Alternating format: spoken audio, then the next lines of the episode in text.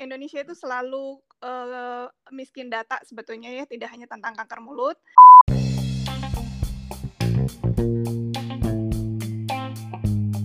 Halo, selamat datang di podcast Dokter Gaul. Hari ini kita akan membahas seputar kanker rongga mulut. Kenapa kanker rongga mulut? Karena kanker rongga mulut ini sebenarnya adalah penyakit yang masih belum terdata secara baik di Indonesia, padahal kanker rongga mulut adalah salah satu kanker yang memakan banyak korban. Pada hari ini kita akan membahas mengenai kanker rongga mulut bersama narasumber Dr. Gigi Elizabeth Fitria Nasari, spesialis penyakit mulut yang baru saja menyelesaikan program doktoral kalau nggak salah di eh, Australia. Untuk lebih tepatnya saya langsung undang Dr. Gigi Elizabeth Fitria Nasari. Selamat datang dok, Assalamualaikum. Waalaikumsalam warahmatullahi wabarakatuh. Oke, jadi uh, gimana tadi infonya? Perkenalannya dok, ada yang dikoreksi? Nggak ada yang dikoreksi, Gam. Nggak ada yang dikoreksi, uh, oke. Okay. Iya, itu Ini sudah supaya lebih informal, uh, manggilnya Vivi aja seperti mangga, biasa ya, mangga, supaya uh, uh, supaya lebih uh, santai dan mengalir gitu Teh. Iya, mohon mohon mangga. Nah, jadi jadi gini Teh rencananya kita ngobrolin soal kanker rongga mulut ya sebab kan ini salah satu bidang penyakit mulut yang udah spesifik di mana masih belum banyak orang yang mengetahui dan Mhm. kebetulan saya nggak salah kan TPB teh tesis eh, disertasinya mengenai kanker rongga mulut gitu ya Betul. Eh, lebih Indonesia- di Indonesia gitu ya jadi tesis saya ini mengenai Indonesian Battle Quid and Oral Cancer. oh munyah pinang gitu ya Iya, terutamanya tentang munyah pinang. Iya. Kenapa pilihannya ke munyah pinang Karena eh, pertama belum ada data yang sufficient ya. Sebenarnya belum ada data yang eh, cukup. Iya tentang Indonesia. Indonesia itu selalu eh, miskin data sebetulnya ya, tidak hanya tentang kanker mulut. Terus yang kedua juga di Indonesia juga belum diketahui secara pasti. Kita memang ada data-data penelitian regional ya yang kecil-kecil gitu, tetapi belum oh, per ada daerah gitu ya per daerah atau per universitas atau per satu bagian kecil lah ya. Tapi belum ada data Indonesia mengenai kanker mulut yang uh, national wide gitu, yang seluruh Indonesia gitu. Nah, makanya kemarin saya S3 saya ini pasti tidak akan mewakili secara menyeluruh, tapi at least mungkin bisa menginisiasi ya. Karena kemarin saya meneliti di lima provinsi di Sum- di, di Aceh, uh, kemudian di Jawa Barat, di Jak Kalimantan Barat dan Papua Barat gitu. Uh, mudah-mudahan menginisiasi pemerintah Indonesia bisa uh, memberikan supportnya untuk men- men-screening sebetulnya kanker mulut di Indonesia ini prevalensi dan insidensinya berapa. Karena kalau di India, Taiwan itu sudah lama, udah 20 tahun yang lalu kita tuh udah tertinggal sebetulnya. Dalam hal data ya Dalam hal data, iya. Jadi kalau berdasarkan uh, pengumpulan data yang dilakukan sama TVV kemarin untuk Hmm. disertasinya, itu pemetaan kanker Ya. rongga mulut di Indonesia saat ini seperti apa itu ya Teh? ya? Ya, jadi memang uh, setiap ya itu berbeda-beda tergantung dari uh, resiko kanker mulut yang mereka lakukan gitu ya. Uh, contohnya misalnya di Papua Barat karena mereka uh, apa resiko yang utama itu adalah menyirih menyirih pinang gitu. Nah uh, Papua Barat ini berbatasan dengan Papua New Guinea. Mereka sharing ethnicity yang sama, culture yang sama, dan kita tahu kalau Papua New Guinea ini uh, prevalensi kanker mulutnya tertinggi sedunia dan angka kematian akibat kanker mulut tertinggi sedunia. Tahukah Agam berapa jumlah kematian akibat kanker mulut di Papua New Guinea Nah, per tahunnya? Ya. Di 2015 saja ada 25.000 uh, jiwa meninggal karena uh, kanker mulut akibat pinang ya di Papua Guinea sehingga per tahun. per tahun, iya per tahun. Uh, sehingga pemerintah di Papua Guinea itu memban atau melarang menyirih di sana di 2015 tetapi tidak it doesn't work at all tidak tidak ber, apa namanya tidak berhasil sama sekali padahal pemerintahnya sudah memban gitu ya. Akhirnya sekarang pun saya diminta uh, mengajar di Papua Nugini, diminta untuk membantu uh, mengenai oral medicine, terutama kanker mulut. Uh, bagaimana caranya untuk mengurangi angka prevalensi tersebut uh, di antara kondisi yang uh, ya tidak tidak bisa uh, menurut ya karena memang itu kaitannya dengan culture, dengan agama, culture, ya. dengan ya. ekonomi juga gitu. Jadi susah memang. Itu kebayang kalau 25 ribu kasus kematian per tahun, kasusnya nggak hmm. matinya berapa ya? iya, iya. Dan, keseluruhannya. Iya. iya. Yang tidak terdata mungkin juga lebih banyak dan juga uh, ini kan sebetulnya sebagai bom waktu di masa yang akan datang dan dekat sekali dengan Papua Barat. Jadi angka kemarin hasil penelitian saya Papua Barat juga memiliki uh, uh, apa namanya prevalensi uh, oral premalignant disorder, oral submucous fibrosis ya, prekanker yang berkaitan dengan menyirih, angkanya tertinggi di antara lima provinsi yang lain gitu. Uh, terus prevalensi kalau jumlah kematian uh, dibandingkan dengan yang provinsi lain sebagai ini sumber datanya Papua Barat termasuk nah kemarin tidak melakukan uh, angka kematian jadi hanya prevalensi dan insidensi jadi angka uh, apa kasus baru dan kasus lama saja. Karena memang surveinya juga survei yang tidak long term jadi hanya uh, apa namanya cross sectional survey. Jadi hanya memotret saja apa sih yang sedang terjadi dan sebelumnya gitu ya.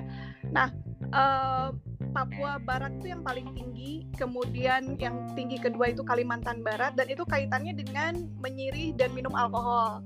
Jadi ya menarik ya e, kalau saya lihat di daerah-daerah itu tidak hanya mereka punya faktor resiko menyirih, tapi juga mereka biasa membuat ini, membuat minuman beralkohol tapi tradisional gam. Ya, ya, ya dan harganya murah sekali itu bisa seribu rupiah dua ribu rupiah. Tetapi kadar alkoholnya bisa lebih dari 70% can you imagine that? Ya yeah. kayak minum antiseptik aja itu lebih kayaknya lebih ya. Kebakar. tetapi itu itu uh, kondisinya kondisi kanker rongga mulutnya uh, disertai dengan kerusakan jaringan mukosalnya juga iya iya betul. Karena karena itu ya si iya. alkohol tadi ya.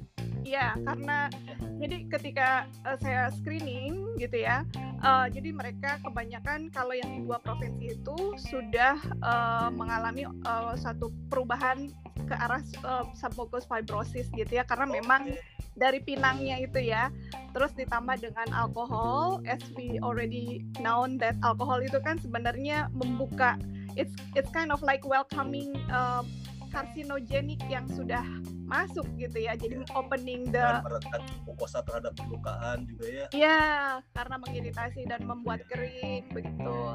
Jadi kalau dua itu dua daerah itu paling tinggi dengan resiko uh, kanker mulutnya adalah menyiri dan alkohol.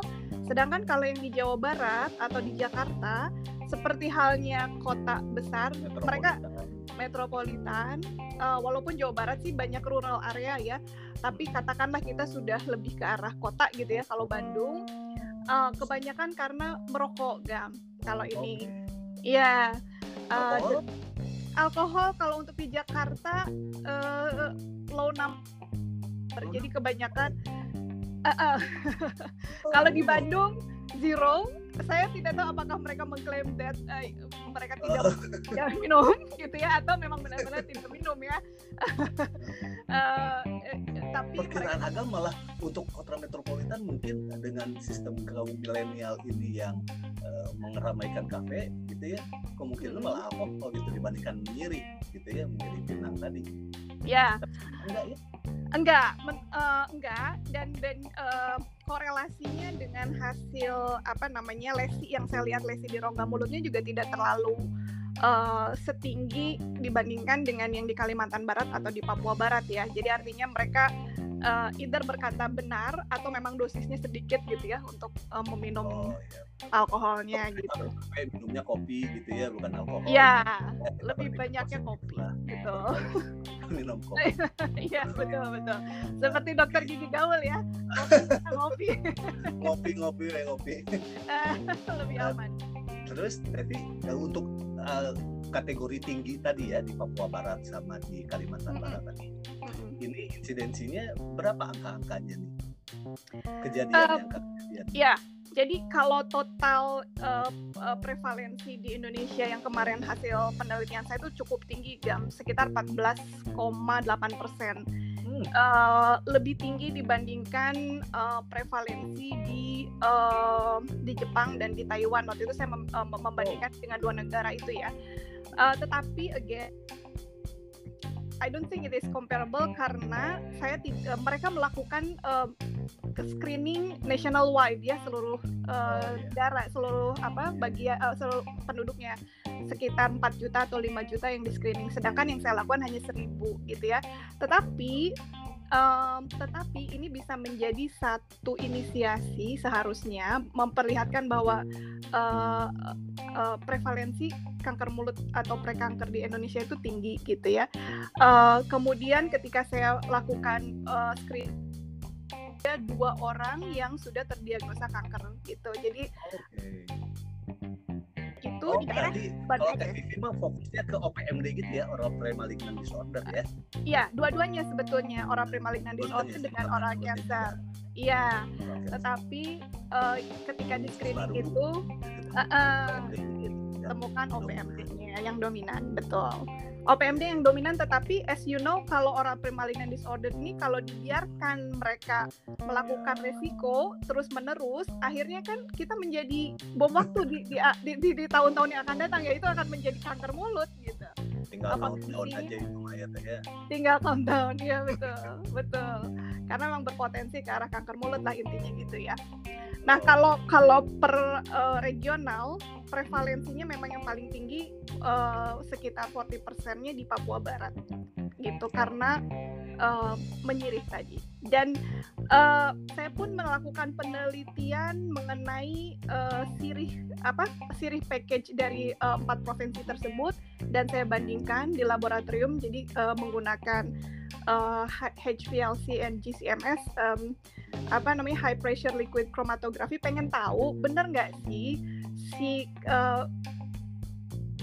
piring dari Indonesia ini ada faktor penyebab eh, kankernya gitu ya yang karsinogeniknya.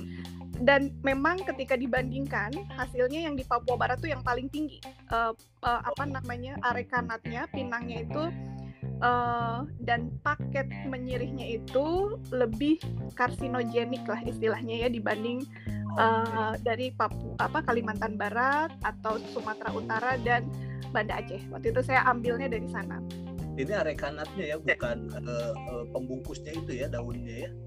Ah, ah. kalau daunnya tuh kan sirihnya sih sebenarnya eh, banyak mengandung polifenol atau banyak mengandung antioksidan yang bisa mencegah kanker sebenarnya gitu ya. Tetapi si paketnya itu gam eh, eh, terutama arekanat eh, dan kap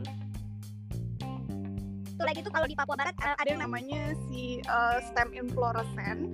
Jadi dia mengandung em, satu eh, apa bahan toksin yang yang Bagian, cukup bagian tinggi. Ah, ah, gitu. Nah, sedangkan di bagian yang lain tidak di, di, di Kalimantan Barat atau Sumatera Utara dia tidak menggunakan itu, tidak menggunakan stem inflorescens. Jadi stem inflorescens itu Oh, I see, I see. Itu salah satu faktornya ya, Ya, yang membedakan. Iya, betul. Betul. Berarti, berarti, eh, tetapi tet- sebentar, bentar. Eh, justru Kalimantan Barat ya, padahal di Pekanbaru nih untuk Sumatera ukurannya ya, sendiri kegiatan menyirih dan mengunyah pinang ini padahal cukup tinggi juga loh Teh. Tetapi Cukup tinggi ya? Insidensinya nggak tinggi ya. Hasil mungkin kar- ininya pengumpulannya. kalau Pekanbaru saya belum ke sana. Mungkin nanti kita next ke sana Gam ya kita Oh screening ya di sana. jalan-jalan ya ke sini. ah, sambil screening kanker mulut boleh Gam Iya, sana. Soalnya ini daerah-daerah kabupatennya kalau yang agam lihat ya kan soalnya agam udah ke beberapa kabupaten dari sekitar 11 agam teh di Riau ini udah hampir 4 atau 5 rata-rata ketemunya yaitu minyak pinang, Menyirih. minyak pinang gitu, Iya, menyirih. Iya. Mm. karena daerah-daerah tepian ini perifer nih rata-rata eh, kerjaannya hanya berladang entah itu Hmm. sawit dan apa nggak banyak kerjaan akhirnya pelariannya ke ya itu, sambil- betul. sambil, eh, apa, Ngobrol. sosialisasi gitu ngobrol-ngobrol Betul. gitu per, apa kelakuannya gitu ya Iya. lakukan gitu. Iya, jadi habit sih memang ya dan um, sebetulnya yang jadi challenge itu adalah bagaimana mengedukasi mereka supaya Iya. Uh, let's say lah mungkin di generasi yang sekarang agak susah untuk merubah, tapi untuk next generationnya akan lebih baik lah gitu ya. At least Iya, iya. mereka tidak menurunkan kepada anak-anaknya. Karena kalau di Papua Barat, si anak-anaknya itu diajarkan untuk menyirih uh, di usia yang sangat muda, Gam. Jadi di usia 4 tahun, lima tahun mereka sudah Oh. diajarkan. Heeh. Itu Bangun tujuannya. Heeh. Kenapa mereka beliefnya kepercayaannya bahwa itu bisa menguatkan gigi gitu? Eh, iya, satu menguatkan diajarkan. gigi, kemudian kan ada edik, uh, uh, memang mengandung ad- uh, aditif ya, jadi memang bikin seger kayak kopi gitu. Jadi Oh, oke. mereka nggak bisa memulai waktu tanpa men- menyirih dulu. Jadi it's it's kind of like uh, opening the day with, Oh, iya, iya. uh, uh, Sugesti itu mah ya, ya, uh, sugesti uh, juga berperan makanya sulit merubahnya. Iya, jadi culture lah, jadi culture yang nggak bisa dile- dilepas gitu ya. Nah, eh, saya waktu itu ketemu juga salah satu dokter gigi di Papua Barat. Eh, keluarganya pun memang mengajarkan seperti itu, jadi memang itu udah hal yang biasa gitu. Eh, artinya ya PR kita ya untuk next generation lah. Mungkin untuk generasi yang ini ya susah ya karena sudah puluhan tahun ya, tapi mudah-mudahan bisa juga mengurangi tapi at least next generation will be better lah intinya gitu. Jadi kita mengorbankan generasi kolonial untuk menyelamatkan generasi milenial katanya. iya, jangan dikorbankan lah kan hese gitunya apa Ya gimana, gitu. udah gimana lagi susah gitu ngerubahnya. Iya, iya. Sama seperti rokok sih sebenarnya susah susah menghentikan ya Ap- karena memang edik- uh, adiktif juga si menyirih ini dan uh, bagian dari culture dan kadang bagian dari li- religion ya bagian dari apa kepercayaan yang mereka bilang ya nggak nggak bisa ini udah ratusan tahun kayak gini gitu Ya, kalau udah dua itu terkait udah sulit saya cultural dan religion apa Iya. religion tuh ya. dan religion iya iya Oke. oke. Teh Vivi, kita break sebentar. oke Nanti kita sambung lagi ya Teh ya. oke oke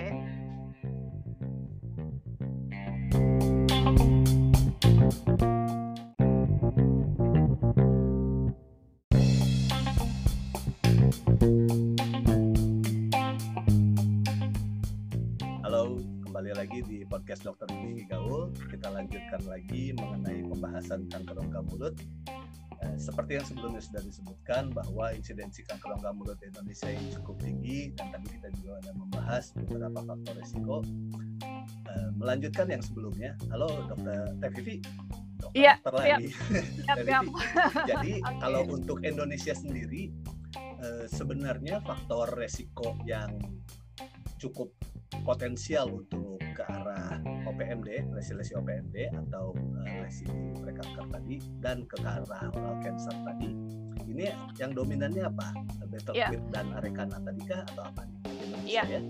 Iya, jadi untuk kalau kalau untuk Indonesia itu sebetulnya tergantung regionnya ya. Jadi kalau eh, kesimpulannya kalau di daerah yang lebih ke urban atau daerah kota karena mereka sudah tidak ada kebiasaan menyiri jadi umumnya mereka ini eh, kalau kaitannya dengan kanker mulut adalah resiko merokok ya yang paling utama tembakau ya. Eh, saya menemukan banyak orang premalignant disorder dari eh, pasien-pasien yang di screening di Bandung ya di Jawa Barat tuh paling tinggi dibandingkan yang di Jakarta. Em, kemudian kalau yang di regional ya itu tadi terkait dengan faktor resiko menyirih kebanyakan kalau di Indonesia ya. oh, Jadi di ya. Iya di Papua Barat, Kalimantan Barat dan Banda Aceh. Walaupun Banda Aceh ini mix antara urban dan non urban antara rural Oke, iya iya iya iya. eh, beberapa masih menyirih tapi beberapa sudah sudah lebih mening- apa ya ke arah modern style yang meninggalkan dan akhirnya milih rokok tapi nggak benar juga gitu ya cuman eh, kalau Aceh ini lebih ke mix mungkin ya tidak tidak salah satu gitu yang paling banyak dan mereka tidak eh, karena mungkin eh, apa m- lebih memegang Islamnya lebih kuat jadi tidak ada yang minum alkohol gitu Oh ya kalau itu sih masuk akal ya. Iya. untuk Aceh. Iya, ya mungkin nggak nggak boleh lagi, mungkin nggak boleh ya pemerintahnya tidak memperbolehkan kali. Mungkin dengan syarat dan ketentuan berlaku kayak operator Iya. operator gitu ya. Iya. Boleh tapi jangan terlihat publik gitu atau terlihat eh, apa gitu ya mungkin dengan itu sedikit. Saya juga belum tahu Mungkin. sih belum tahu kebijakannya seperti apa. Iya. Tapi yang menarik justru ini, Teh. Saya jadi uh, pengen ngebahas bahwa ini penelitiannya uh, pada uh, subjeknya ini mereka hanya mengunyah aja tanpa kombinasi, misalnya mengunyah dan merokok gitu, atau mengunyah dan minum mm, alkohol. Hmm. Jadi penelitiannya sih uh, bisa kombinasi. Jadi uh, ada yang uh, memang pure merokok atau memang pure salah alkohol, satu aja melakukan uh, salah satu aja atau pure mengunyah sirih atau kombinasi dari kedua-duanya. Nah, ketika men, uh, saya dapatkan data, kemudian uh, saya lakukan uh, statistical analysis untuk multivariate. Jadi kalau yang tentu yang kombinasi itu yang paling tinggi gitu. Uh, tetapi kalau yang ini resiko uh, yang paling tinggi menyebabkan kanker mulut atau prekanker itu adalah minum alkohol. Yang kedua menyiri, yang ketiga smoking gitu. Oke. Jadi kalau dia udah mah ngerokok, baru minum alkohol, nah, nyiri, udah oh, ya. ya siap-siap. Ditumpuk ya. Nah, oke oke. Oke, itu untuk si faktor-faktor resikonya gitu ya dan ya. yang kita bahas. Sekarang untuk pemeriksaannya sendiri yang dilakukannya seperti apa metode yang dilakukan? Iya. Klinis aja kah atau ada pemeriksaan penunjang juga kah atau gimana? Iya. Jadi sebetulnya kalau untuk kanker uh, tidak hanya kanker mulut ya, uh, baik kanker rahim atau kanker payudara, sebenarnya yang paling uh, pemeriksaan yang paling uh, apa ya paling applicable reliable itu adalah pemeriksaan klinis gitu ya uh, apalagi untuk di rongga mulut itu tidak menyebabkan sakit cukup pasiennya buka mulut kan gitu ya kita lihat tetapi the problem is nggak semua dokter gigi bisa melakukan screening kanker mulut. Itu yang jadi masalah. Gitu. Itu yang Sering pertama. di situ. Sering missnya di situ karena dokter gigi hanya fokus kepada gigi gitu. Karena gelarnya dokter gigi. Betul. Padahal di situ ada jaringan lunak yang dokter gigi itu bisa save other people life. Saya selalu bilang bahwa dokter gigi ini bisa menjadi front line untuk kanker mulut seperti halnya dokter umum mereka menjadi frontline untuk pemeriksaan kanker serviks atau kanker payudara ya gitu. Iya, iya. Nah dokter gigi bisa menjadi frontline terutama yang di puskesmas uh, untuk uh, pemeriksaan kanker mulut secara dini. Nah ini yang penting paling penting sebenarnya.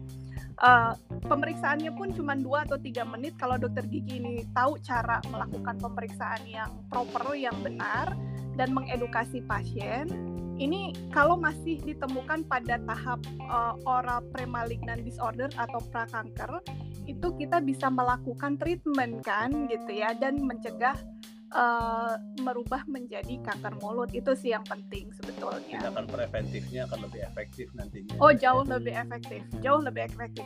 Saya uh, waktu di Papua Barat uh, melakukan um, apa namanya biopsi sekalian eksisi karena di sana saya menemukan banyak uh, OPMD premalignan yang prekanker dan alhamdulillah sampai sekarang diobservasi saya menemukan satu namanya uh, satu pasien yang dia punya resiko menyiri minum alkohol dan merokok dan oh. ada uh, tilu-tilu naya gitu ya. Tiga-tiganya lengkap itu mah ya. Lengkap. Dan dan satu hal udah tua ya 65 oh, tahun. Iya iya iya. Mm -mm. Faktor resiko itu ya. Faktor resiko yang ditemukan adalah uh, PVL, uh, uh, verrucous leukoplakia yang uh, transformasi ke arah keganasannya sangat tinggi gitu. Nah waktu itu saya telepon uh, supervisor saya dan dia bilang, mereka bilang, ayo kamu karena kamu punya uh, dentist registration di sana oral medicine specialist, ambil uh, lesi sebanyak-banyaknya untuk save people life gitu ya. Uh, kemudian saya eksisi dan saya follow up setiap tahun. Alhamdulillah sampai tahun kelima tidak ada perkembangan ke arah CA.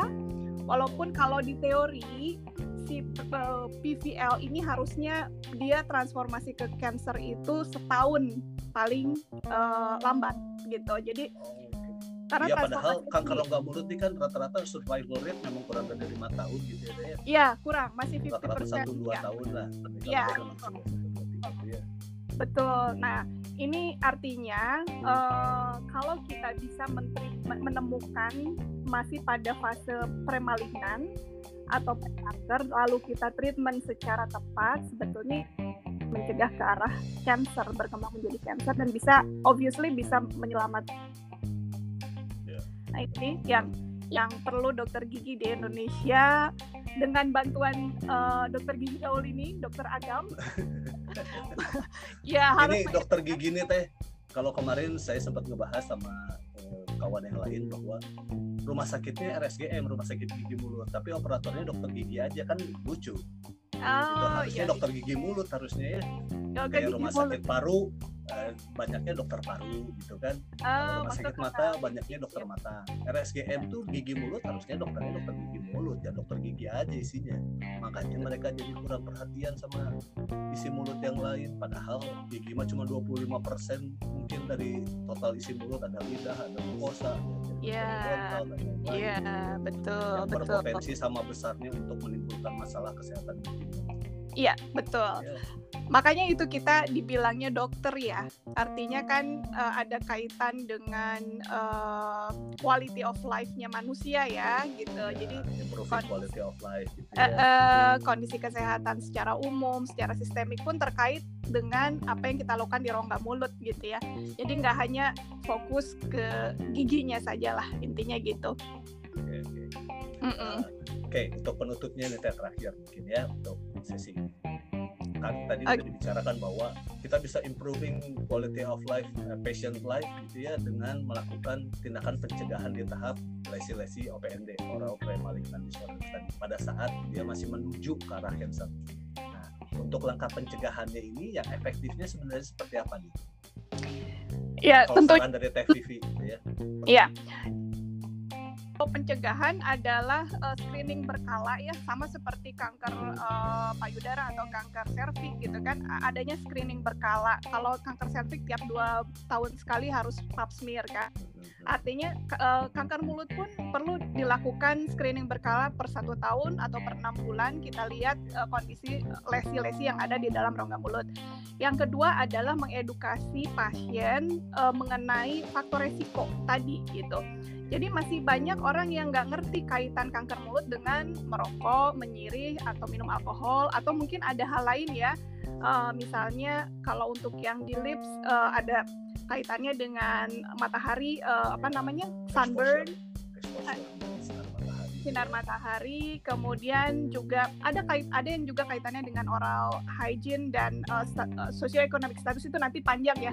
Tetapi uh, yang major risk factornya itu adalah merokok, menyirih, dan alkohol itu yang tiga major risk factor.